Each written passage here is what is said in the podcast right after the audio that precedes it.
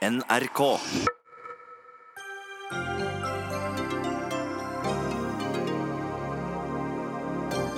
Er det en svekket statsminister som tar juleferie, spør vi Erna Solberg. I dag oppsummerte statsministeren en høst uten samarbeidsavtale med KrF og Venstre. Hun møter Arbeiderpartileder Jonas Gahr Støre til debatt.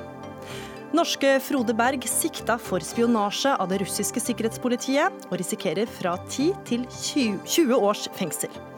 En alvorlig anklage også mot Norge, sier den norske advokaten. Norges idrettsforbund har brukt over 10 millioner kroner på konsulentfirmaet First House siden 2011. Det vitner om en kultur fullstendig uten bakkekontakt, mener VGs Leif Welhaven. Og NRK dubber skandinaviske TV-serier for barn.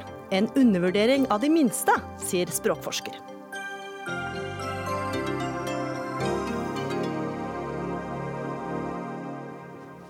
Velkommen til Dagsnytt 18 denne tirsdagen. Jeg heter Gry Veiby. Den største kamelen regjeringa har måttet svelge er lærernormen, sa statsminister Erna Solberg da hun i formiddag holdt sin halvårlige pressekonferanse der hun oppsummerte regjeringas høst. En høst som også har vært preget av en rekke andre nederlag i Stortinget. I tillegg til den allerede nevnte lærernormen har regjeringa måttet tåle økt fedrekvote, ny vurdering av oktoberbarnas saker, en sukkeravgift, ingen tvangssammenslåing av kommuner og en utredning av et atomvåpenforbud. Erna Solberg, statsminister og leder i Høyre. Og da lurer jeg på da, Hva vil du si dersom noen hevder at du har blitt en svekket statsminister som nå snart har juleferie? Først vil jeg arrestere programlederen på å si at når vi sier at ingen tvangssammenslåinger, det er én av elleve eh, sammenslåinger i forrige eh, i fjor, i, fra våren som er nå omgjort, som gjelder to av fire kommuner oppe i eh, Da fikk vi ryddet opp det. Resten av de står seg fint. Dette er en stor suksess for regjeringen, med den betydeligste kommunereformen siden 60-tallet som gjennomføres. Og det er altså én kommuneendring. Også at det, Men dere har jo blitt blitt overstyrt da, av, en, av eh, Stortinget en rekke saker? Nei, er, eh, ja, I noen saker har en mindretallsregjering eh, gått på nederlag. Det er ikke uvanlig at man gjør. Men flere av de sakene som nå nevnes, er jo kompromisser i Stortinget, hvor vi forhandler om budsjetter. Det gjorde vi også i forrige periode. Og hver eneste gang vi hadde et budsjett i Stortinget, så gjorde stortingspartiene endringer i budsjettforslaget til regjeringen. Da fikk Venstre og KrF gjennomslag for noen saker som vi ikke i utgangspunktet nødvendigvis var enig i, eller vi hadde prioritet. De tok vekk noen av våre prioriteringer, mens vi fikk gjennomslag for hovedlinjene. Det, har du fortsatt fått gjennomslag for hovedlinjene, ja, det, vil du si? I, budsjett, I budsjettet vårt har vi fått gjennomslag for hovedlinjene. Vi har fått gjennomslag for en politikk som skaper bedre grunnlag for gründerskap i Norge fremover. Vi har fått eh, gjennomslag for en politikk som bidrar til at vi skal f.eks. fjerne maskinskatten. Vi så du, så du svarer egentlig at det ikke er svekket? Nei. og så må vi huske at om den, det budsjettkompromisset vi hadde, snudde på mindre penger enn det det har gjort de to siste årene. Og vi har også økt avgifter og laget andre inntekter. Så litt av listen så er det noen punkter hvor altså regjeringen har ikke fått gjennom sin politikk, eller rettere sagt eh, Stortinget har fremmet politikk som ikke regjeringen har vært enig i. Og det vil en mindretallsregjering måtte leve med. Og, og, det er selvfølgelig en annen situasjon, det sa jeg også på pressekonferansen i dag, i Stortinget. Men kaller du f.eks. fedrekvoten også et eh, kompromiss? Nei, for den stemte vi imot fra våre partier. Og den var ikke vi enige på den måten det skulle gjøres, for den er ikke en prioritering som vi har hatt. Nå er det sånn at For Høyres vedkommende så har jo Høyre endret syn på fedrekvoten fedrekvoten i denne perioden i forhold til forrige periode. Men eh, det var ikke en prioritering. Og det er et sak som altså stortingsflertallet har gjort, som regjeringen ikke var enig i. Så det vil du kalle et nederlag, eller? Altså, Nederlag høres jo veldig voldsomt ut, da. Men så er det var en prioritering som de gjorde. Hvis den eh, i fremtiden ikke koster mer penger, så er det fordi at barna får mindre tid sammen med en av foreldrene sine. Så det syns jeg er leit for de barna. Eh, Men hva vil du kalle det? Du vil ikke kalle det kompromiss? Hva vil du kalle det? Jeg vil si at regjeringen, regjeringen har ikke fått gjennomslag for sin politikk. og det er andre partier som har bestemt dette. Jonas Gahr Støre, leder i Arbeiderpartiet. Samme spørsmål eh, går til deg, da, men får kanskje et litt annet svar. Det, hva vil du si, er Erna Solberg svekket som statsminister denne perioden? Det er en helt annen regjering vi møter nå enn etter valget i 2013. Eh, den har knappere flertall. Eh, den har ikke en samarbeidsavtale. Den har ett parti på vei inn i regjering, Venstre, og den har Kristelig Folkeparti en friere opposisjonsrolle. Men er hun svekket? Dette er jo ting vi vet. Ja, jeg vil jo si i forhold til forrige periode at hun er det. Eh, jeg mener jo det at eh, altså Statsministeren sier at det er småting som Stortinget har fått til. De har fått til de store tingene. Skulle bare mangle at ikke regjeringen fikk gjennom budsjettet sitt. men jeg vil jo mene at pleiepenger til foreldre som har syke barn, at det ble gjort en endring i, det er ikke en liten sak. Eh, pappapermen fra 10 til 14 uker er ikke en liten sak for de pappaene og for de barna og de familiene at man snudde dagpengekuttet. Men f.eks. fedrekvoten, da mener ja. du den saken viser eh, hvordan Nei, Det var jo et forslag som kom på Stortingets første dag og ble jo egentlig litt talende for hva som er mulig i denne perioden. Det vedtaket der var ikke mulig i forrige periode. Nå er det mulig.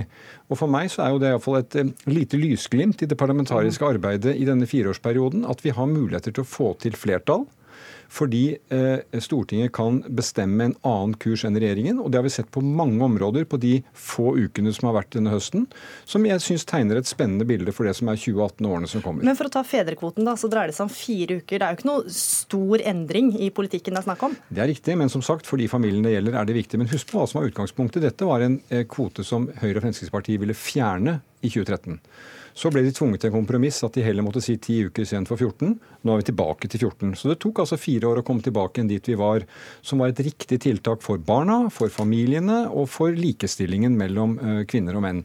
Så der har vi fått satt det på plass, og jeg tror det gir et signal om at det er mye slik det er mulig å få til også i året som kommer. Ja, og Solberg, vi hører at Det tok jo bare noen uker før Stortinget begynte å reversere den politikken dere hadde innført da fedrekvoten ble økt fra 10 til 14 uker. Hva gjør du hvis det fortsetter sånn?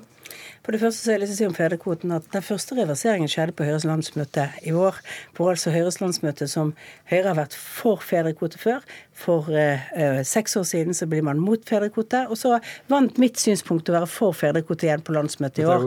Så, nei, ja, ja, eller det er demokrati i et parti som faktisk fatter nye vedtak på et landsmøte ut ifra partidemokratiet og diskusjonen som har vært knyttet til det. Mm. Og Derfor har jeg ganske avslappet det, så har jeg også avslappet skuldre. Men, men, det vi ikke må glemme, er at det er noen barn som altså får mindre tid med foreldrene sine. For det er ikke så lett for alle familier å ta ut uh, full kvote, fordi det er vanskeligere uh, i noen i noen familier. Alle lever ikke et ni til fire-liv. Mange har andre typer jobber som gjør dette noe mer krevende. Så jeg har lyst til å ta spørsmål om svekket statsminister.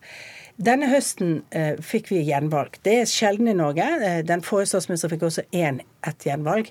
Eh, folket har gitt en klart og tydelig beskjed om at eh, de faktisk ønsket eh, en fortsatt borgerlig regjering. Det er det flertall for. Og da tror jeg det er litt vanskelig å høre Arbeiderpartiet si at det er svekket. Vi, det er en annerledes flertall enn før, men det er et stort flertall for hovedtyngden av regjeringens politikk, og det har vi vist i løpet av høsten. Og så har Arbeiderpartiet endret noen standpunkter. F.eks. i vår så var de enige med oss med unntak av ett lite punkt på mm. pleiepenger. Så, men det viktigste med pleiepenger for eksempel, var jo at vi gjorde en solid forbedring i vår for veldig mange familier som ikke før fikk pleiepenger i det hele tatt. For å få det til så gjorde vi noen innstramninger for at ikke det skulle bli en for vid og åpen ordning som kunne være vanskelig. Det jeg syns har vært rart i høst, er at noen ting er greie og enkle å gjøre endringer på. De gjorde vi sammen med KrF i budsjettet. Men så stemte altså Arbeiderpartiet for et forslag som ikke var utredet. Ikke visste om det var treffsikkert juridisk ei heller utredet. Og det var et nytt Arbeiderparti.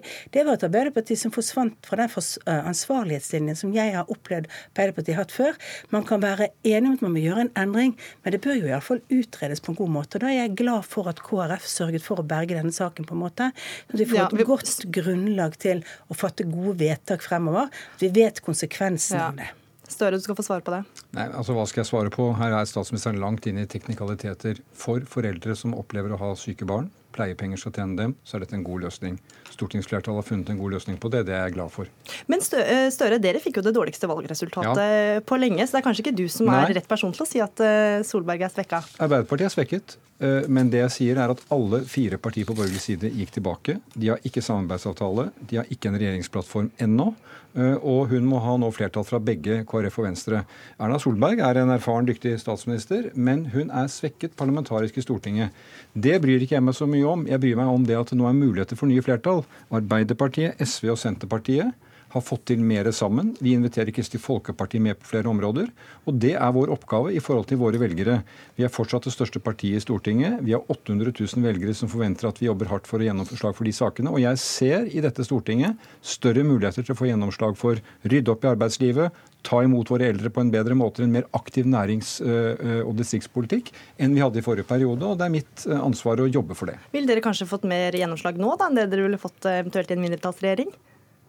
Nei, det å sitte i regjering gir store muligheter. Det var vårt mål, og du har helt rett. Vi gjorde et for dårlig valg, og vi kom ikke dit. Det var målet vårt for 2017. Men nå forlater vi 17, og det er jeg egentlig ganske glad for. For det året det har vi nå kvittert ut. Og så i 2018 skal vi møte det med, med, med både eh, politikk og eh, vilje til å finne løsninger i Stortinget. Erna Solberg, dere måtte også akseptere at Hærens helikopterkapasitet fortsatt skal deles mellom Bardufoss i Troms og Rygge mm. i Østfold. Kaller du det et nederlag eller et kompromiss? Det er jo et kompromiss for vi har forhandlet om, om, det. Det er noe alle partiene på Stortinget blitt enige om. Vi laget en, en studie på forsvarsstudien, altså på hele arbeidet rundt langtidsplanen for Forsvaret, hvor Arbeiderpartiet og Høyre og eh, Frp eh, var enige i kjernen med flere andre partier som var med i deler av, av, kompromisset. Så var dette den gjenstående biten av det. Men det er klart vi hadde et annet førstevalg, og det var å styrke spesialstyrkene. Det er, det er vår spisseste, eh, spisseste, del av Forsvaret. Det er det vi bruker mest også internasjonalt. Det er det som er viktigst også i terrorsituasjoner og mange andre. Og vi mente at de skulle få en bedre kapasitet. Mm. Det er klart det som skjer nå, vil være at de ikke får så raskt bedre kapasitet fordi man deler det. I tillegg så var jo en tror jeg det var en litt eh, eh, liten forståelse for at i utgangspunktet så er ikke det mangel på helikopter, men det er mangel på personell. Det er mangel på de som kan fly det, det er mangel på å ha en organisasjon rundt det som gjør at vi måtte konsentrere dette. Mm. Så mener vi at vi gjennom det arbeidet som var på Stortinget, som betyr at vi også skal leie inn kapasitet.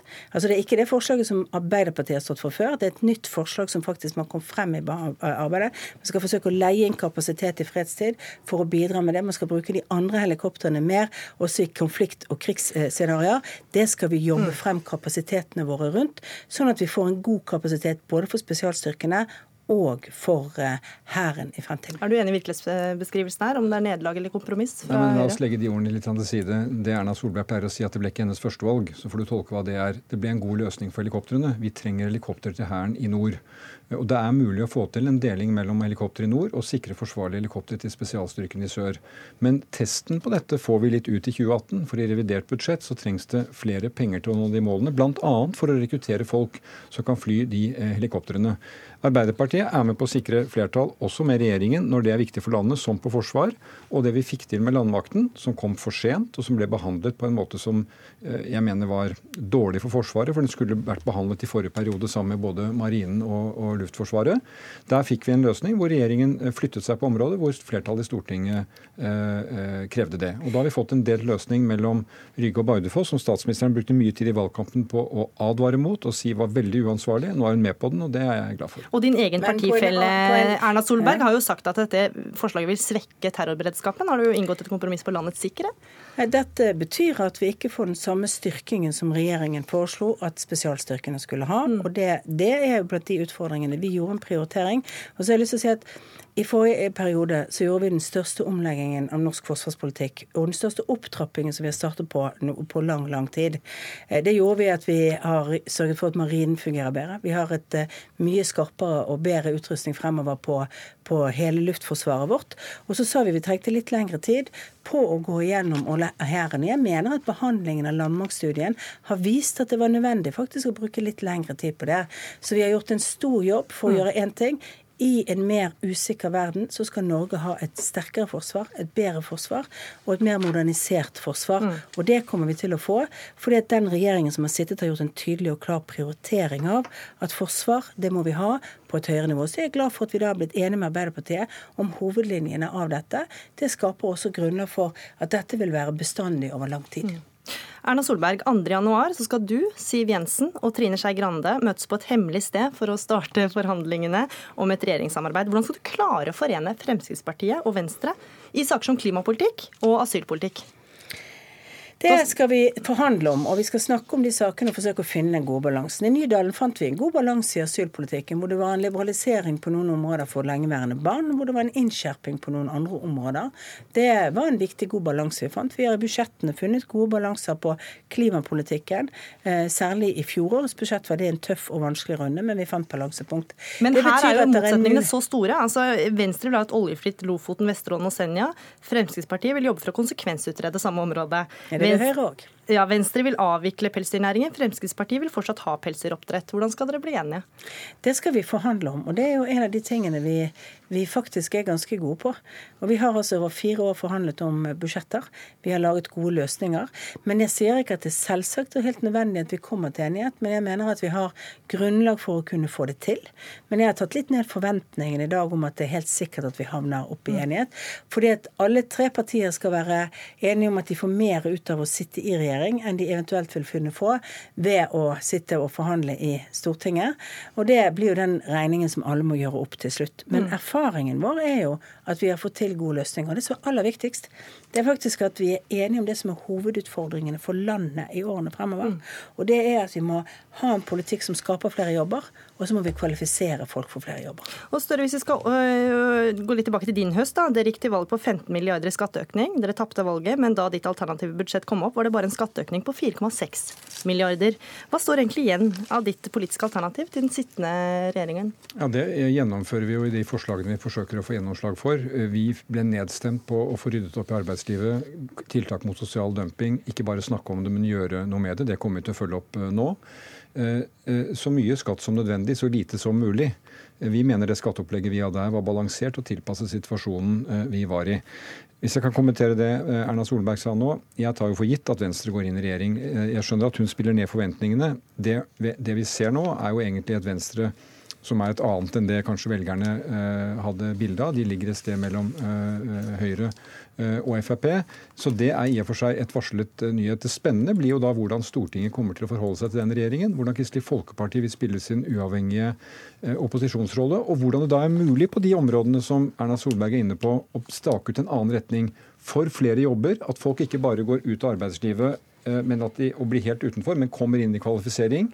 Tiltak mot useriøst arbeidsliv. Alt dette her skal vi komme til å utfordre regjeringen på. Dette er jo godt i gang siden ledigheten går ned, jobbene skapes og Men ledigheten går ned, og folk går ikke inn i arbeid. Erna Solberg, statsminister og leder i Høyre, og Jonas Gahr Støre, leder i Arbeiderpartiet, takk for at dere var med i Dagsnytt 18. Dagsnytt 18 alle hverdager kl 18.00 på NRK P2 og NRK2.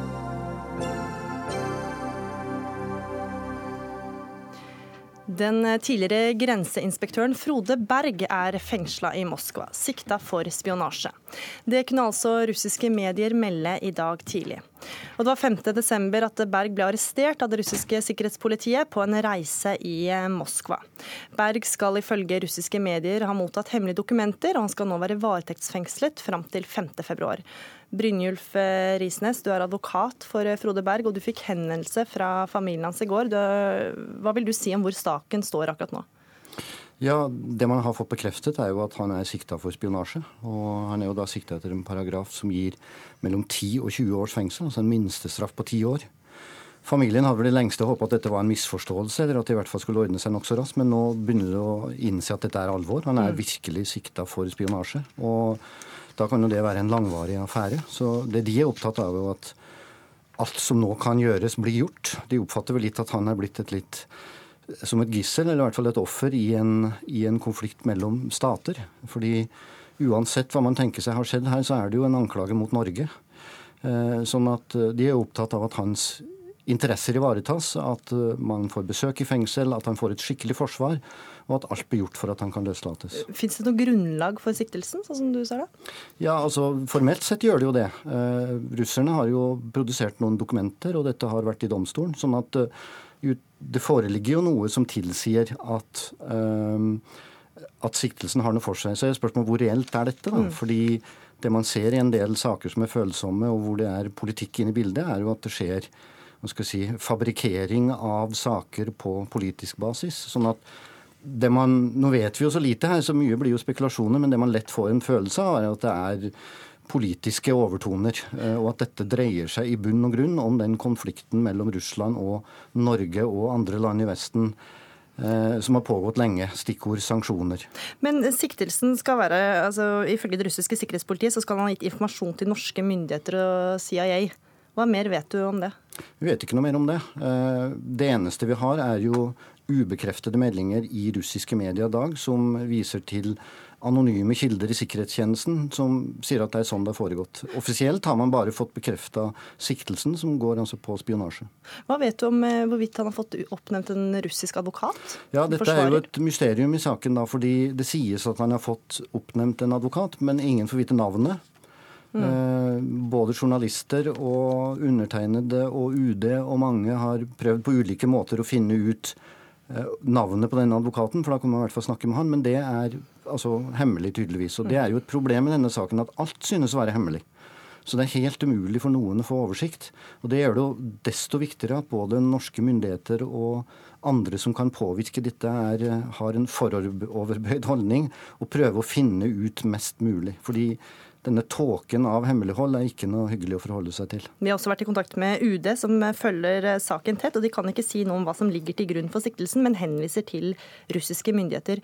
Rune Rafaelsen, du er ordfører i Sør-Varanger kommune. Du er med oss fra Kirkenes, hvor eh, Frode Berg bor, og har jobbet som grenseinspektør i mange år. Hvordan reagerte du da du fikk vite om denne spionsiktelsen? Nei, jeg ble sjokkert. Altså, jeg har jo kjent Frode i over 20 år og jobba sammen med han med norsk-russiske prosjekter. og og Frode er ingen spion. Han, eh, hele siktelsen er fabrikkert. Eh, så Det som bekymrer meg, det er jo situasjonen fra Frode og for familien. og Det er jo viktig for oss. Du sier at siktelsen er fabrikkert, men hvordan kan du si det? Hvordan kan du hevde det? Nei, Det kan jeg si ut ifra det jeg har jobba med han. og Han har, har, vært en av pionerene når det gjelder norsk-russisk samarbeid. Han har vist stor interesse. Han, han har helt tatt jobba med prosjektet sitt i styret i Pikene på broen. Aktiv i det økumeniske samarbeidet med Russland, leder av menighetsrådet. Altså, det her er, en provokasjon. Men som sagt, det er, det er reelt, det som, som, som Risnes sier. Han er sikta, men som sagt, eh, sånn som jeg ser det, så er det her noe vi må, må få orden i og få han Frode hjem. Du kaller han også en stor Russland-venn. Altså, hvilken posisjon og rolle har han hatt i forholdet mellom Russland og Norge i Sør-Varanger? Ja, jeg tror det er veldig få mennesker som har den historikken som han har når det gjelder arbeidet mellom, med grensedragning og, og, det som har med det praktiske grensesamarbeidet med, med Russland. Eh, han har også vist stor interesse for det, det, det folk-til-folk-samarbeidet. Så han, han, har på mange en, en, en, pioner når det gjelder det norsk-russiske samarbeidet. sånn at det, det, å, det, å, sikte Frode Berg for, for, spionasje, det er også et, på en måte også, også, på en måte også svekke og skade det, det samarbeidet som foregår eh, hver dag nå mellom Norge og Russland. Morten Jentoft, eh, korrespondent her i NRK. Du har eh, nylig kommet hjem, eller akkurat kommet hjem fra Moskva. Er det kommet noe nytt i russiske medier i løpet av eh, dagen om denne saken? Veldig lite ut ifra det som du nevnte i, i, sted. Vi vet altså at han er siktet etter denne paragraf 276 i straffeloven, altså for spionasje. Snakket også med pressetalskvinne Jekaterina Krasnova i denne Lefortovo-domstolen, der han altså er varetektsfengslet fram til 5. Hun sa til meg det at uh, denne varetektsfengslingen den er anket, men at den ankebehandlingen kan komme til å ta tid. Nå går vi snart inn i den russiske nyttår- og julefeiring. Det betyr at uh, dette kanskje ikke er klart før uh, eh, 8.-9. januar, sa, sa, hun til meg. I tillegg til det så vet vi jo det at denne arrestasjonen da knyttes til en arrestasjon av en russisk statsborger, Aleksej Sjitnjuk. Vi vet heller ikke ikke så mye mer enn hva han skal ha gjort, men her dreier det seg altså, ifølge russiske medier, om å ha overlevert informasjon om den russiske Nordflåten, som det eh, da blir sagt. Dette er det vi vet om det som har skjedd. Og eh, det at denne saken har vært oppe i denne Lefortover-domstolen, det kan jo tyde på at, eh, at, eh, at Fodeberg sitter da i dette Eh, berømte eller beryktede Lefortovo-fengselet, som er et eh, varetektsfengsel som brukes av eh, russisk politi og også av den russiske sikkerhetstjenesten FSB.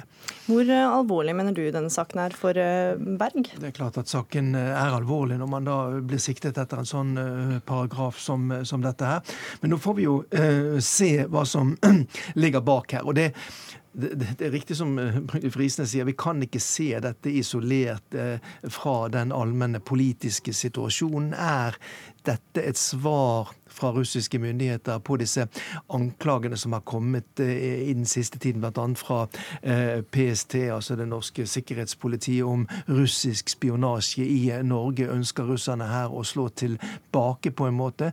Det vet vi jo ikke før vi vet detaljene i denne sikkelsen. Men den kan tolkes i en politisk kontekst? Ja, Det er jo for tidlig selvfølgelig mm. å si, men vi kan ikke i hvert fall utelukke at det ikke skjer i en sånn kontekst som dette her. fordi vi har sett at det har vært en rekke slike saker, ikke bare i forhold til Norge, der man fra russisk side da har vært langt mer aggressiv overfor utenlandske statsborgere i Russland. Det mm. gjelder både visumnekt, vi kjenner jo denne Atle Berge-saken opp fra Murmansk, som da er nektet visum i, i ti år. Finnene har hatt flere slike saker også som er vanskelig å tolke mm. som noe annet enn en, en form for en, en, politisk eh, innstramming fra det russiske sikkerhetspolitiet. Så spørs det jo da hva slags ryggdekning FSB har her hos russiske politiske myndigheter. Er dette noe som har full støtte i hele det russiske samfunnet, den russiske utenrikstjenesten? Det vil jo bare tiden vise. Det blir interessant å se hva som eventuelt mm. kommer ut av mm. denne, denne fornyete eh, denne klagen på varetektsfengslingen i begynnelsen av januar. Risnes, hva var det Berg gjorde i Moskva i utgangspunktet? Han har jo, som du var inne på, en betydelig virksomhet knytta mot, mot, Russland. Så han var der på et besøk for å eh, altså, møte sine kontakter og venner. Eh, det var ikke noe spesielt forretningsmessig eller noe, noe, annet formål. Han er jo pensjonist, og som Rafalsen var inne på, så har han et, eh, et stort virke knytta til norsk-russisk eh, samarbeid. Mm. Det de påførende er mest opptatt nå, er jo at man gjør det man kan gjøre. Og det er jo særlig denne forsvarersituasjonen som er litt fortvilende. Ja, Hva gjør du som advokat nå, da? Ja, altså... En ting som er veldig viktig, og en ting man helt konkret kan gjøre, er å skaffe mannen et skikkelig russisk forsvar. Altså Det vi vet er at En russisk advokat som er oppnevnt, han tjener 100 kroner om dagen. Eh, sånn at, og da, da, får man rett og slett ikke noe kvalitetsarbeid. Så mm. det man må gjøre her, er å gå inn og engasjere en, en eh, en advokat med lang erfaring fra den type saker, som kan i hvert fall gi han et skikkelig forsvar. Det er et helt konkret ting man kan gjøre nå, i den situasjonen nå, som er veldig fortvilende for, for familie og venner som sitter der og ikke vet noen ting. Mm. Så det, her er det viktig at norske myndigheter tar dette ansvaret, ikke minst fordi som jeg nevnte i begynnelsen, dette er i realiteten en beskyldning mot Norge og ikke mot han. Altså, En spion opererer ikke alene. Mm. Hvis Russland har rett, hvis de mener med noe dette med disse anklagene, så er dette en beskyldning mot Norge som stat. Og da må Norge som stat sørge for å ivareta ja, Hva forventer mannen. du fra norske myndigheter nå? Jeg forventer at de tar et initiativ for å få oppnevnt en advokat som Eh, kan gjøre et arbeid som en uavhengig advokat her.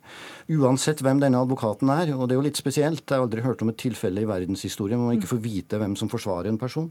Men eh, så Det er nokså eksepsjonelt i seg selv. Men uansett hvem han er, så er han oppnevnt av etterforskeren i FSB, altså det russiske sikkerhetspolitiet. Og Det er ikke tilfredsstillende. Det må inn en uavhengig advokat for å komme opp til minstekravene for, for uh, et uavhengig forsvar. Jentoft, hvor lett er det å få inn en uavhengig advokat i en slik sak som dette? Ja, bare litt for å fortelle, for Vi har jo jobbet med denne saken i over en uke. Den ble jo kjent for en, en, en, uke siden at Frode Berg var, var, arrestert. og Vi har jo forsøkt vi også da, selvfølgelig å få tak i navnet på denne advokaten. Mm. og Selv i dag, når jeg da snakket med eh, retten i eh, Moskva eh, og ba om å få navnet på advokaten, så kunne hun ikke opplyse det, men sendte oss altså videre til FSB, der det nesten er umulig å få ut, uh, ut informasjon. Sånn at noe av nøkkelen her ligger jo i da å få oppnevnt nå da en Eller engasjert da en, en, en, en profesjonell russisk advokat som kjenner veldig lukka, da. Det virker som det er vanskelig å få engasjert en uh... Ja da, det er et, et, et, et, lukket system. Og det har jo antageligvis vært en etterforskning da som har pågått også hele tiden, som har gjort at det har vært utrolig vanskelig å få ut, uh, ut informasjon. Det var som sagt først i dag vi fikk ut informasjon mm. om at uh, det her dreide seg om en, en, en, spionanklage, selv om vi ante at det kanskje kunne være noe av dette allerede i forrige uke. Rafalsen, dere samarbeider tett med, eller du samarbeider tett med kollegaer på russisk side. Hvordan påvirker en sak som dette her det samarbeidet? Nei, det er vanskelig å si. Nå har det jo skjedd det som ble nevnt tidligere med at både Thomas Nilsen og Atle Berger ble nekta innreise til Russland. Og så, det er jo ting som er tatt opp.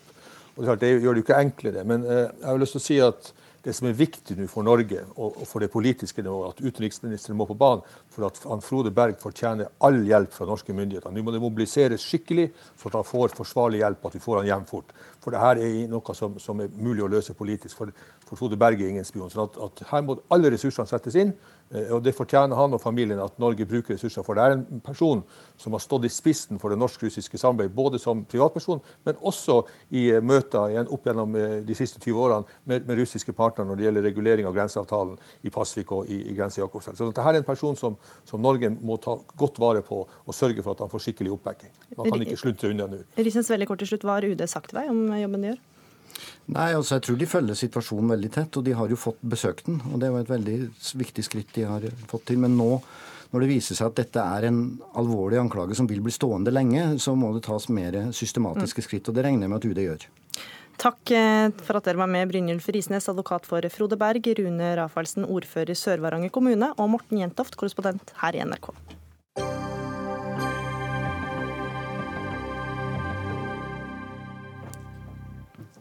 Nok en gang stormer det rundt Norges idrettsforbund etter at det i dag ble åpna for innsyn i forbundets konsulentbistand. Der kom det fram at Idrettsforbundet har brukt over 10 millioner kroner på rådgivningsselskapet First House siden 2011. En del av jobben var bl.a. å svare på e-poster på vegne av idrettspresident Tom Tvedt. Og vi har i dag hørt politikere som kaller dette uforståelig, ubegripelig og hinsides pengebruk. Nils Røyne, kommunikasjonssjef i Norges idrettsforbund, hva kaller du det? Jeg kaller det ikke det. Jeg syns det er resonnementet bak det som gjør at det er mulig i hvert fall å diskutere om dette var riktig. Men Hva kaller du det da? Nei, Jeg kaller det, jeg ser rasjonelt på det. og Poenget var at i Norges idrettsforbund så var det f.eks. 1,4 milliarder kroner i omsetning det året hvor denne avgjørelsen om å bruke First House for 5 millioner kroner ble tatt. Og det var basert på et uh, ekstraordinært uh, ting, hvor vedtaket var at 142 mot 15 stemmer sa ja til at Norges, eh, norsk idrett skulle gå hardt inn for å få et vinter-OL til Norge. Og da syns jeg at eh, å bruke da fem millioner kroner på en ekstraordinær situasjon når det blir folkeavstemning om OL i Oslo, eh, ut fra en omsetning på 1,4 milliarder kroner, det syns jeg ikke er hinsides. Så forstår jeg rett at du forsvarer pengebruken? Jeg sier i hvert fall at det ikke er hinsides. I en faktura datert 19.11.2013 står det bl.a. at en del av jobben til First House var å svare på e-poster på vegne av Tom Tvedt. Hvorfor var det nødvendig at First House skulle hjelpe til med dette? Nei, det var ikke det at de svarte på e-postene, men de ga råd til Tom Tvedt om hva han skulle svare. De, ga, de fortalte Tom Tvedt hva han skulle svare, de, de svarte ikke? De ga han råd om hva som var, eh, etter deres oppfatning, riktig å svare. Og så er det han sjøl som sender denne e-posten til andre. Men syns du det er riktig at eh, en frivillig idrettsorganisasjon bruker mellom 2000 og 3000 kroner i timen for å få råd på hva man skal svare på en e-post? Jeg tror ikke at det er eh, riktig å si at det er eh, det beste man kan gjøre. Eh, men på den annen side så skal man huske på at i forbindelse med OL-søknaden, en eventuelt OL-søknad for Oslo i 2022, så er det Norges olympiske komité og Oslo som by som skal søke. Det er ikke Norges idrettsforbund. Det er det eneste landet i verden som har disse to organisasjonene under ett tak, under ett styre. Og Slik så blir det eh, noen ganger vanskelig å vurdere hva, hva er på en måte aktivitetspenger til Norges idrettsforbund, og hva er Norges olympiske komités rolle. Så disse pengene var ikke bare fra dere? Bruke det på å svare på e-post, eller hjelpe til med å svare på e-post? Det var fra Norges idrettsforbund, som jeg sa. Det var ut fra 1,4 milliarder kroner i mm. omsetning. Så brukte man 5 millioner kroner til First House. Mm for å bygge opp argumentasjon for at man skulle vinne folkeavstemningen i Oslo for å få et vinter-OL til Oslo i 2022. Leif Welhaven, kommentator i VG. Hva syns du om eh, konsulentvirksomheten eh, som Norges idrettsforbund har betalt penger for? Altså jeg syns uh, summen er høy. Det kan absolutt være situasjoner hvor det er legitimt å hyre inn hjelp, for all del. Jeg skal ikke si at du aldri skal kunne gjøre det. Men altså det som er jo himla ironisk her, er vel at altså, det kommunikative arbeidet som ble gjort rundt Oslo 2022-prosessen, er noe av det elendigste og mest amatørmessige jeg kan huske å ha sett. Og selv i, altså i evalueringsrapporten som ble laget etter etter at Oslo 2022-prosessen feilet, så tok man jo faktisk selvkritikk for at det faktisk hadde vært en for dårlig kommunikasjonsplan. Man var ikke forberedt på motstand, man klarte ikke å selge inn ideen osv. Da kan man jo spørre om hva i all verden har man fått for penger? Jo, men det er, det er, greit å si i ettertid, hvor du sitter på svaret, men da de brukte pengene på det, så mente jo dette var Det kunne jo gå riktig vei. Men, men blander jo her. Det var jo kommunikasjonsarbeidet mellom Norges idrettsforbund og Oslo kommune som kanskje kunne vært veldig mye bedre. Og skal man huske på at Oslo kommune brukte 220 millioner kroner for å komme til en situasjon hvor man kanskje skulle uh, søke om statsgaranti. Og man hadde 50 personer ansatt i, i dette prosjektet for å få Oslo til å uh, komme i en posisjon for å søke OL internasjonalt. Så det er jo noen proporsjoner her som Welhaven ofte hopper over. 5 eh, millioner av 1,4 milliarder kroner er ikke hinsides. Og det ikke kan til og med Welhaven innrømme. Jeg er helt enig med Røyne i at kommunikasjonen mellom kommunen og NIF åpenbart kunne gått, uh, altså vært bedre. Men når du faktisk har et av landets mest profilerte og angivelig beste kommunikasjonsbyråer på lønningslisten, og du går hardt inn for det for Oslo til 2022, så må jo idrettstoppene på en måte ha lært seg å kommunisere på en bedre måte enn det det ble gjort da man forsøkte å fronte det. Men skulle spørre sine innbyggere om de ville ha OL eller ikke. De ba om et råd. Det kan ikke Oslo kommune ta ansvaret for å begynne å, å bearbeide sine medarbeidere. Det var det Idrettsforbundet, Norsk idrett, som hadde som oppgave når politikerne valgte å gå til folkeavstemning. Og Derfor så er det First House kun arbeidet for Norges idrettsforbund i forbindelse med denne folkeavstemningen. Nils Røyne, de som ser og hører dette her, lurer kanskje på hvorfor idrettspresidenten ikke selv er her. Hvorfor, eh, Hva er svaret ditt på det? Han har jo fått forespørsel om å stille, selvfølgelig. Hvorfor er det du er her og ikke Tom Tvedt? Det er veldig enkelt. fordi at Etter at uh, Tom Tvedt ble valgt til idrettspresident, så har Idrettsforbundet brukt ca. 500 000 kroner på hjelp fra First House. Før han ble idrettspresident, så brukte man 9,5 millioner kroner. Da er det fair at ikke han skal svare for alle de 9,5 mm. millioner kronene. Welhaven, er du enig i den vurderinga? Ja, nå er det ikke Tvedt lenger unna First House enn at utvalget som han faktisk var leder av, som meislet ut eh, planen for eh, morgendagens eh, toppidrett, da er en betydelig del av disse bilagene vi faktisk har, har, sett i dag. Altså, mm. First House har jo vært tett, tett knyttet til til Tvedt-rapporten, så prøve å skape en sånn, sånn avstand mellom uh, Tom Tvedt og Firsa, og syns jeg faller på sin egen urimelighet. Når det er sagt, så er det også riktig at en, at en, del av disse kostnadene har vært før Tom Tvedt var president, men i den perioden så var han heller ikke lenger unna at han satt i idrettsstyret. Mm. Så det forsøket som Nils Røyne stadig gjør på liksom, å snakke om at det er et nytt regime på Ullevål stadion etter at man byttet generalsekretær, er, er etter min oppfatning en sannhet med visse modifikasjoner. Det er forskjell på å sitte som et styremedlem styremedlem å sitte som idrettspresident. Det er idrettspresident enhver tid som må ta ansvaret for å gi det mandatet eh, konkret til eh, generalsekretæren. Slik at uh, Det kan ikke være særlig tvil om at det var idrettspresidenten før Tom Tvedt som må ta ansvaret for ja. den Oslo 2022-prosessen. Røyne, det tikket inn en sak fra VG hvor de publiserer en sak om at Idrettsforbundet skal ha betalt Bjørn Dæhlie 12 500 kroner for å snakke positivt om OL på TV 2-programmet Senkveld. Ser du, ser du noe problem med det? At han går på TV og snakker positivt om OL uten at stjernen er klar over det? Nei, Som Bjørn Dæhlie sier, så sier han at dette var en del av flere oppgaver han hadde. Og så står det da i denne fakturaen Men hva syns du om det? Senkveld. Jeg syns at eh, det hadde vært mye strategi? bedre hvis, eh, hvis, de 12 500 kronene, som Bjørn Dæhlie ikke er så veldig opptatt av, eh, men som da står i en av de 16 000 dokumentene som vi har vist, hvor det er opptil elleve bilag per side, så står altså det ene ordet om Senkveld. Eh, Bjørn Dæhlie har jobba hardt for norsk idrett i veldig mange år etter at han la opp. Han har fått nesten ikke noe betalt. Og Hvis noen trekker tvil om hans vilje og ønske om at det skal bli et eh, OL i Oslo i 2022, så får de gjerne gjøre det. Men han gjorde mange andre ting, og han fikk lite betalt. Men hvorfor skal han ha betalt for det i det hele tatt? Det er jo en annen spørsmål. Han ble faktisk eh, oppfordra av Idrettsforbundet til å sende noen regninger, fordi at han hadde stilt opp i så mange år på så mange områder at det var fair at han fikk litt betalt og dekka noen av utgiftene sine. Leif Elland, du er sukkertungt. Ja, altså, jeg mener at Når det gjelder Dæhlie-saken eh, spesielt, så, vært, så, er det en forskjell for seerne om du har en idrettshelt altså, som, som, sitter der og, og, får betalt for det, og ikke får betalt for det. Nå tror jeg også at det er helt riktig at Bjørn Dæhlie gjerne ville ha uh, OL til Oslo. Men altså det interessante med denne debatten synes jeg nå at etter runde etter runde etter runde som kommer opp, så vitner altså om at det har vært en kultur på Ullevål stadion over lang tid som har manglet helt bakkekontakt mm. når det gjelder hvordan offentlige penger er blitt brukt. Og nå begynner totaliteten å bli stor. Altså. Og Hva bør da konsekvensen bli, Welhaven? Altså, idretten eies av idrettens egne medlemmer, så de må bestemme hva de skal gjøre. Men at Tom Tvedt er mannen til å gjenreise tilliten til norsk idrett, blir jeg mer og mer og mer skeptisk til. Bør han gå? Jeg mener iallfall at idretten bør vurdere et eh, lederskifte. Hadde jeg sittet i en maktposisjon i idretten, så hadde jeg ment at det var sunnest for norsk idrett å få en ny giv under en ny sjef, for han som er der nå, har ikke fungert i jobben sin. Det er altså en medlemseid organisasjon, så det må vi overlate til medlemmene å mene noe om. Og i sakene vi diskuterer i dag, så syns jeg det er absolutt rasjonelt og mulig å argumentere for at man har gjort riktige avgjørelser når det gjaldt enkelte ja. enkelthendelser, når det gjaldt alkoholforbruk, som vi har diskutert tidligere her.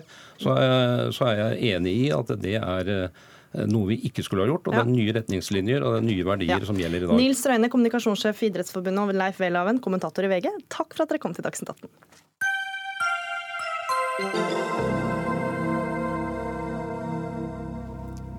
Fra nyttår kan ventetida for voksne pasienter med ekstrem tannlegeskrekk øke kraftig i forhold til i dag.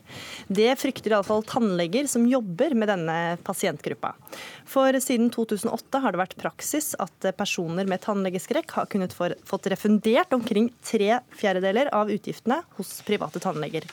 Men fra nyttår må de stille seg kø hos det offentlige eller betale full pris hos private, skriver Aftenposten. Og professor ved Institutt for klinisk odontologi ved Universitetet i Oslo, Tiril eh, Willumsen. Du tok doktorgrad på tannlege, tannlegebehandlingsangst i 1999. Og du kan forklare da, for oss som kanskje ikke elsker å gå til tannlegen, men som gjør det uten altfor store problemer. Hva slags tannbehandlingsangst er det snakk om? Dette er jo snakk om de som er, har det aller verst med hensyn til å gå til tannbehandling som hvor det å møte opp til en tannbehandling og gjøre den tannbehandlingen som man vet man trenger, det er ikke noe man klarer å gjøre. Og for en del mennesker så er det jo også sånn at bare det å skulle pusse tenner, det trigger så mye vonde opplevelser og så mye flashbacks at det blir vanskelig. Så dette her er jo mer eh, tannlegeskrekk enn noen av oss, eh, de fleste av oss kanskje klarer å forestille seg. Altså det, det, er det som egentlig er så veldig vanskelig for disse pasientene. fordi at eh, alle kan snakke om at jeg er litt redd for tannlegen, jeg liker ikke det. Men dette er, dette er noe helt annet. Altså det er helt umulig for dem å gjøre det. Og det, de styre, det styrer hele livet for mange av disse pasientene. Og de går, og de skammer seg. Det er jo en av de tingene som man på en måte Det er ikke noe akseptert å si at jeg er så redd for å gå til tannlegen, og jeg De, de, de går ikke. De får dårlig tannhelse. Det er jo ikke sånn at du får dårlig tannhelse og ikke går til tannlegen. Men når du har et hull i en tann, og du ikke går til tannlegen og får det reparert, så vil jo dette bli et stort hull. Mm. Og det vil bli en rotfylling, mm. og du tar ikke ta en rotfylling, du trekker tannen, du ender opp med få tenner og dårlig tannhelse som du på en måte, Og så begynner du å få sosiale innskrenkninger med at du ikke omgås, du har problemer med å møte på foreldremøte, snakke, skammer deg, slutter å smile. Hvor mange, hvor mange, er det som lider av dette her? Altså, det er veldig store mørketall. Altså, vi snakker jo om en stor gruppe. Vi har hittil, når vi har diskutert dette i høst, snakket om de pasientene som har odontofobi. Mm. Nå har jeg i, akkurat i dag fått beskjed om at dette gjelder jo også de pasientene som er utsatt for seksuelle overgrep og utsatt for tortur og vold. Så, øh, så, det er en gruppe med store mørketall, men vi kan liksom anslå at det kan si at det er en 2-3% av befolkningen som har det så vondt med å, å få gjort mm. nødvendig helsehjelp. Helseminister eh, Bent Høie fra Høyre, hva er begrunnelsen for å endre støtten til eh, denne gruppen?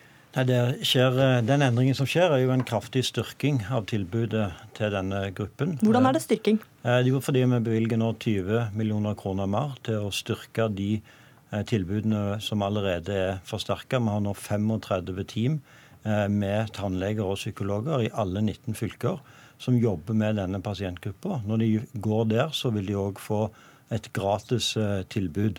Det som vi gjør, det er at vi skjerper inn på at eh, en ordning som er over folketrygden, har i realiteten blitt brukt langt utover det som var intensjonen av, eh, av tannleger, som ikke er en del av det tilbudet som skal gis til denne, denne pasientgruppen. For nå er det det offentlige, det er fylkeskommunene som skal ta ansvar for denne gruppen? Ja, men de kan òg, og har inngått avtaler med privatpraktiserende tannleger for å følge opp disse pasientene. Men det vi trygger på denne måten, er at en eh, får komme til et team der det både er psykolog eh, og tannlege. Og dette er ikke minst viktig eh, for overgrepsofre, for mm. mennesker som er blitt utsatt for, for tortur.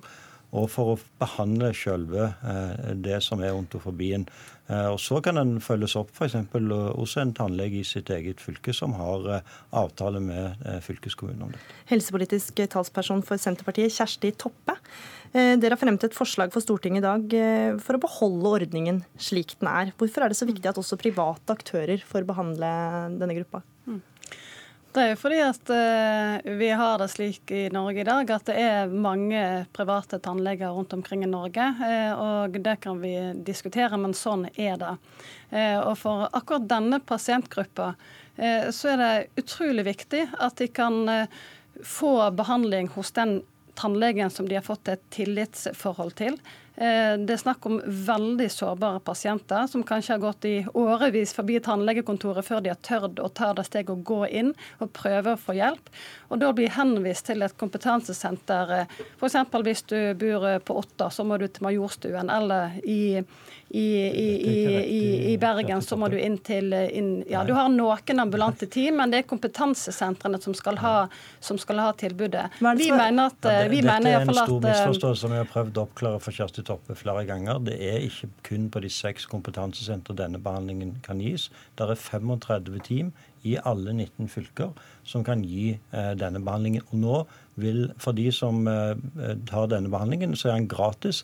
Det tilbudet som Kjersti Toppe tilbyr disse pasientene, det er et tilbud der det òg er betydelige egenandeler. Dette er et team der det både er psykolog og tannlege, og det er gratis for disse pasientene. Det er en mye bedre ordning enn det som Senterpartiet egentlig prøver på, nemlig å sette i system en ordning som innebærer at eh, folketrygden i realiteten har blitt eh, misbrukt utover det som har vært hensikten. Det er en veldig spesiell eh, påstand å si som helseminister at, at tannleger i Norge har misbrukt systemet. Og du sier jo at det er derfor du legger om dette her, ikke fordi at pasientene skal få et bedre tilbud, men fordi at du mistenker at tannleger systematisk har brukt, misbrukt denne stønadsordningen. Og det er jo feil.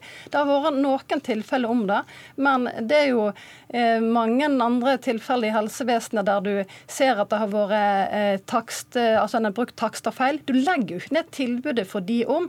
Og uansett om det er ambulante team, så er det utrolig viktig for denne gruppa å kunne gå til sin lokale eh, tannlege. Disse pasientene må òg ha diagnose satt av enten lege, psykolog. Det er spesielle krav. De må ikke bare ha en psykisk sykdom, du må òg ha manglende egenomsorg. Det er flere krav. Og da fikk en heller skjerpe inn disse kravene, mm. da, istedenfor å ta det vekk fra nasjonale, eh, de private tannlegene. Jeg mener selvsagt at de ambulante teamene, kompetansesentrene, òg har en funksjon her. Eh, men å ta det vekk fra folketrygden, det vil gå utover pasientene, uansett hva helseministeren her prøver å forklare, bortforklare akkurat det med. Nei, dette er feil. Dette blir et bedre tilbud. Det styrkes nå kraftig, opp mot 60 gjennom, eh, gjennom de bevilgningene som nå gjør i stats, mm. statsbudsjettet. Og det blir gratis. og De sikres òg et tverrfaglig team med psykolog. Og det, Dette er jo noe som Senterpartiet burde visst veldig godt, for det var jo dere som etablerte ordningen nettopp når en tok vekk kravet om eh, å, å, få en henvisning fra lege for å få eh, behandling over folketrygden hvis en ikke hadde mulighet for egenomsorg. Og Samtidig som en gjorde det, så eh, opprettet den regjering som Senterpartiet var en del av, tilbudet ved siden av til den, de pasientene ja. som har tannlegeskrekk. Og det beviser jo at din vurdering er feil. Er du enig i at uh, Høies uh, Jeg er veldig, veldig bekymret mm. for at uh, jeg tror ikke at dere har fått ordentlig informasjon om hva dette innebærer. Jeg har vært med i denne utviklingen og har vært med i faggruppen i TOO, tortur og overgrep og odontofobi, det offentlige tilbudet, som er et veldig flott tilbud helt fra starten. Og det har foregått på den måten at det har vært team med psykolog og tannlege som har tilrettelagt, det har jeg vært med å jobbe i, det er vel, tilrettelagt for at pasientene skal kunne klare tannbehandling. Men etter at dette er ferdig, så har alt sammen vært fundamentert på at pasientene skulle videre. De skal ut til sin tannlege der de skal gå. De er sårbare, og de har fått innslagspunkt 14 som dekket eh, behandlingen sin. Hva er det Høie ikke har forstått da, med det du forteller her? Man liksom setter at dette er én sak, og at TOO-teamene nå skal kunne ha kompetanse. De behandlet i fjor i ca. 1000 pasienter. Det var i hvert fall 5000 pasienter som fikk rettigheter etter innslagspunkt 14. Og det ble også Hva vil det si, innslagspunkt 14? Det er de rettighetene du får bidrag etter folketrygden. Mm. Og dette med om at, at tannleger eh, misbruker ordningen. Jeg kjenner altså så mange tannleger som har jobbet gratis med disse pasientene. Dette er en pasientgruppe tannleger bryr seg om. De videreutdanner seg. Det er en viktig del av grunnutdannelsen.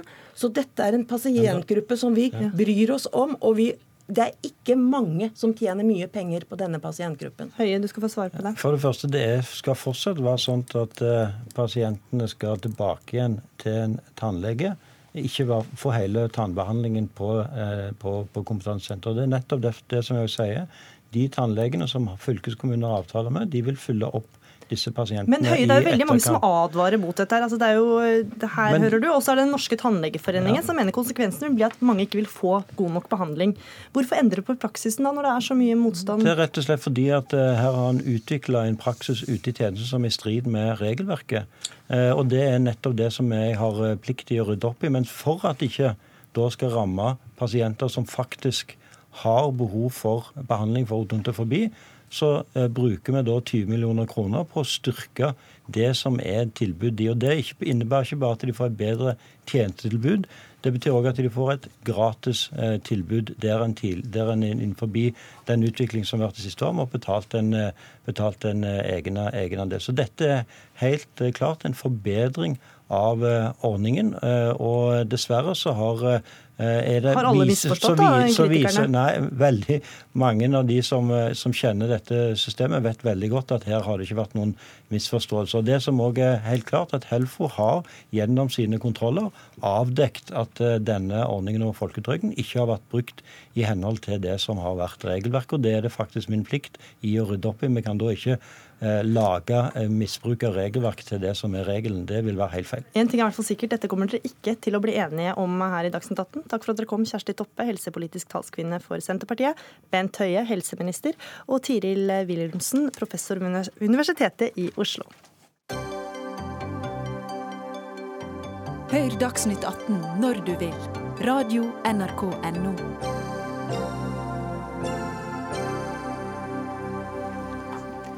Du har kanskje sittet og sett på de selv, eh, for nå i jula så viser NRK Super den svenske julekalenderen Emblas saga, men i en norskdubba versjon. Du skal få høre et lite klipp.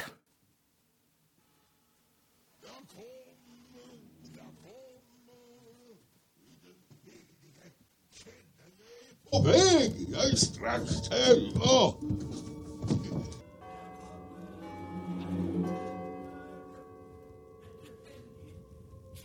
Jeg er på vei, jeg er straks framme. Jeg hørte også hvordan eh, denne serien eh, lyder på originalspråket svensk og på norsk. Og i Klassekampen i dag kan vi lese at flere reagerer på at man dubber språk som er så likt eh, vårt eget. Og Øystein Vangsnes, du er professor i nordisk språkvitenskap ved Universitetet i Tromsø.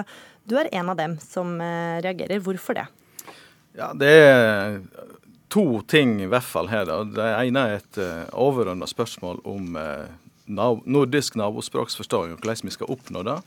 Og så er det et mer spesifikt uh, spørsmål om hva som er en god Eh, eventuelt den beste medieopplevingen for for et, barn. Men Hvis du begynner med det første, da? Ja, hvis du begynner med det første, så må ingen være i noe som helst tvil om at dersom barn og unge får møte svensk og dansk gjennom alderstilpassa TV-program og filmer, så vil det ha en positiv innvirkning på deres evne til å forstå nabospråket vårt. Mm. Dette er rett og slett en uvurderlig kjelde, og kanskje den aller, aller viktigste hvis en ønsker at så stor del av befolkningen som mulig skal oppnå en god evne til å forstå svensk og dansk. For du vil at alle nordiske serier skal vises på originalspråk? Språket, du? Ja, så mange som mulig. Absolutt. Ja, Hvorfor er det så viktig? Nei, Det er nettopp fordi at dette er en veldig viktig kjelde, og det er veldig viktig å uh, gi dette til barn så tidlig som mulig. Hildri Gulliksen, du er redaktør i NRK Super. Hvorfor er det så viktig at en serie som Embla Saga skal høres på norsk og ikke originalspråket? Det er fordi at Embla Saga er en fantastisk fortelling, og målgruppa er eh, hele familien.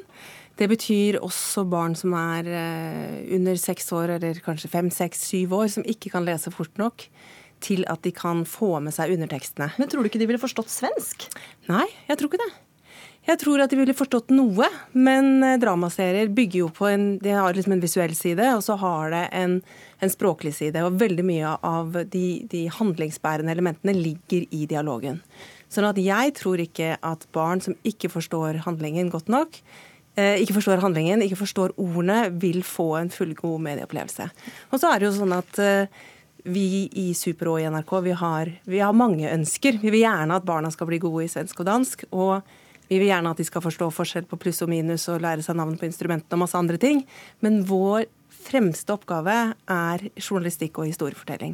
Og da vil vi gi også de yngste barna den aller beste opplevelsen som vi klarer. Ja, Vangsnes, det utelukker de mindre barna. De forstår kanskje ikke hva som blir sagt? Ja, det er jo en påstand som eh, Gulliksen her kommer med, som eh, jeg mener kan diskuteres, absolutt. Fordi altså det er dels eh, hva er det som er en fullverdig medieopplevelse for et barn, og det andre er forstår de ikke nok som det er, trenger de forstå hvert eneste ord. Mm. Og altså, det er jo sånn at et, altså For det første så er jo svensk egentlig det samme språket som norsk, rent strengt lingvistisk. Og eh, det er, ligger veldig nært, og det er ikke som å høre gresk eller spansk. Og eh, en eh, film eller et TV-program er jo mer enn bare språk. Det er jo en kontekst, en kontekstrik inntrykk som møter ungene. De klarer å skape mening i og det de ser, og det de, det de inntrykket de får eh, som en sånn heilskap. Da. Sånn at eh, den står til, eh, i hvert fall til diskusjon, den påstanden om at de ikke får med seg nok mm. til å få noe ut av dette. her. Mm. Og nettopp det at det skal være for hele familien, er jo òg litt spesielt. For det å høre dubba uh, ting er jo ikke så Det klinger jo ikke så bra, i hvert fall ikke på voksne. Men uh, Annike, poeng der, Gulliksen. Må de små barna få med seg absolutt alt? De skjønner jo konteksten og Ja, jeg, jeg syns jo at små barn fortjener det på samme måte som voksne gjør det. Eh, vi vet at vi har sånn ca. åtte sekunder eh, på å fange et barns eh, oppmerksomhet. Og alternativene er uendelig mange. Og jeg tenker på mange måter at vi kanskje gjør barna en bjørnetjeneste hvis vi serverer dem en dramaserie som er en fantastisk produksjon, på en måte som de forstår i mindre grad. Så men, vil de men, kanskje ikke velge det. Men noen vil jo da, kanskje si at svensk på en måte bare er en dialekt av norsk, da? Noen vil kanskje si det, og så vil noen si at mange barn har utfordringer nok med å forstå alle dialektene, men vi er jo en norsk allmennkringkaster, og det er vårt oppdrag å bidra til i enda større grad. Mm. Eh, men jeg vil bare si at vi støtter jo veldig opp om ambisjonen om å hjelpe barn til å bli glad i de nordiske språkene og til å, å speile nordisk kultur. Eh, men det er liksom ett av mange elementer som vi må ta hensyn til når vi eh, legger opp vårt programtilbud. For det må jo også sies at om lag 50% av de svenske og danske seriene som sendes på NRK Super, er på originalspråket? Det er helt riktig. Eh, og det er jo en fortelling om at vi syns det er viktig, men vi velger da å, å ikke gjøre det for de aller yngste. Men når de blir litt eldre, så syns vi det er helt topp. Og mange eldre eh, barn og ungdommer etterspør jo også serier på originalspråket, fordi at de syns at det er mer ekte, på en måte. Og det er jo helt forståelig. Vangsnes, Det gjelder jo ikke alle serier, dette her. Det er jo bare for de aller minste. Nei da, men jeg har jo opplevd sjøl å registrere at òg serier som er meint for et litt, eh, litt eldre barn, er, har vært dubba. Sånn at eh, jeg skulle gjerne sett en nøyaktig statistikk og, og forstått litt mer bak eh, tenking i her. Altså, Pippi og Emil kommer jo ikke dø med dubbeversjon. Kanskje det har noe med vår voksenperspektiv Vi har sjøl opplevd det på originalspråket som, eh, mm. så, så. Ja, altså, som barn. Og da, da, skal våre barn ha det samme der. Sant? Da er, plutselig, da er plutselig originalspråket viktig for opplevelsen. Ja, altså Når det gjelder de originale, gamle Astrid Lindgren-seriene, så, så, ser vi litt sånn annerledes på det fordi at vi tenker at det er en del av en felles kulturhistorie som, som vi har. Det er å oppleve disse seriene på originalspråket. Men kan ikke også en sånn serie som Embla Saga også en, bli en sånn uh, ja, skatt? Jo, kunne kanskje, men det er en stor forskjell også. Og det er at, i hvert fall sånn som jeg opplever det Jeg, jeg, jeg har ikke forskningsmessig belegg, men jeg tror at seriene som produseres i dag, er, har mye, de er mye mer avanserte språklig sett. Eh, produksjonsmessig, lydbildet er tettere og fullere, det går mye fortere. Eh, det er flere dialekter. Da jeg så Tjorven, ja. ja, men da jeg så Tjorven rope på Farbror Melker Altså- på Svabergene, så var det det det eneste som skjedde på de ti sekundene. Så det var lettere å henge med også. Vangsnes, det Altså, går fortere i dag. Og ja, men, altså. Emil i Lønneberget er jo på smålandsk. Altså, det er jo, eh, her blir det sagt mye som eh, er problematisk, altså. Eh, Det kan hende at det går fortere, det kan hende at det er annerledes, men det er ikke sikkert at det er slik. Det er ganske avansert eh, sp- språkbruk som er i både Emil og Pippi òg, så, Mm. så her eh, trenger en litt grundigere analyse før en påstår slike ting. altså. Jeg har eh, et lite eksempel på det, med, ba kjapt, ja, ja. på det med barn, hva, hva barn foretrekker i den valgbare tida som vi lever i. Vi har sendt et, et gameshow som heter Labyrint, både på svensk og på norsk. Med Mm. svenske barn og norske barn.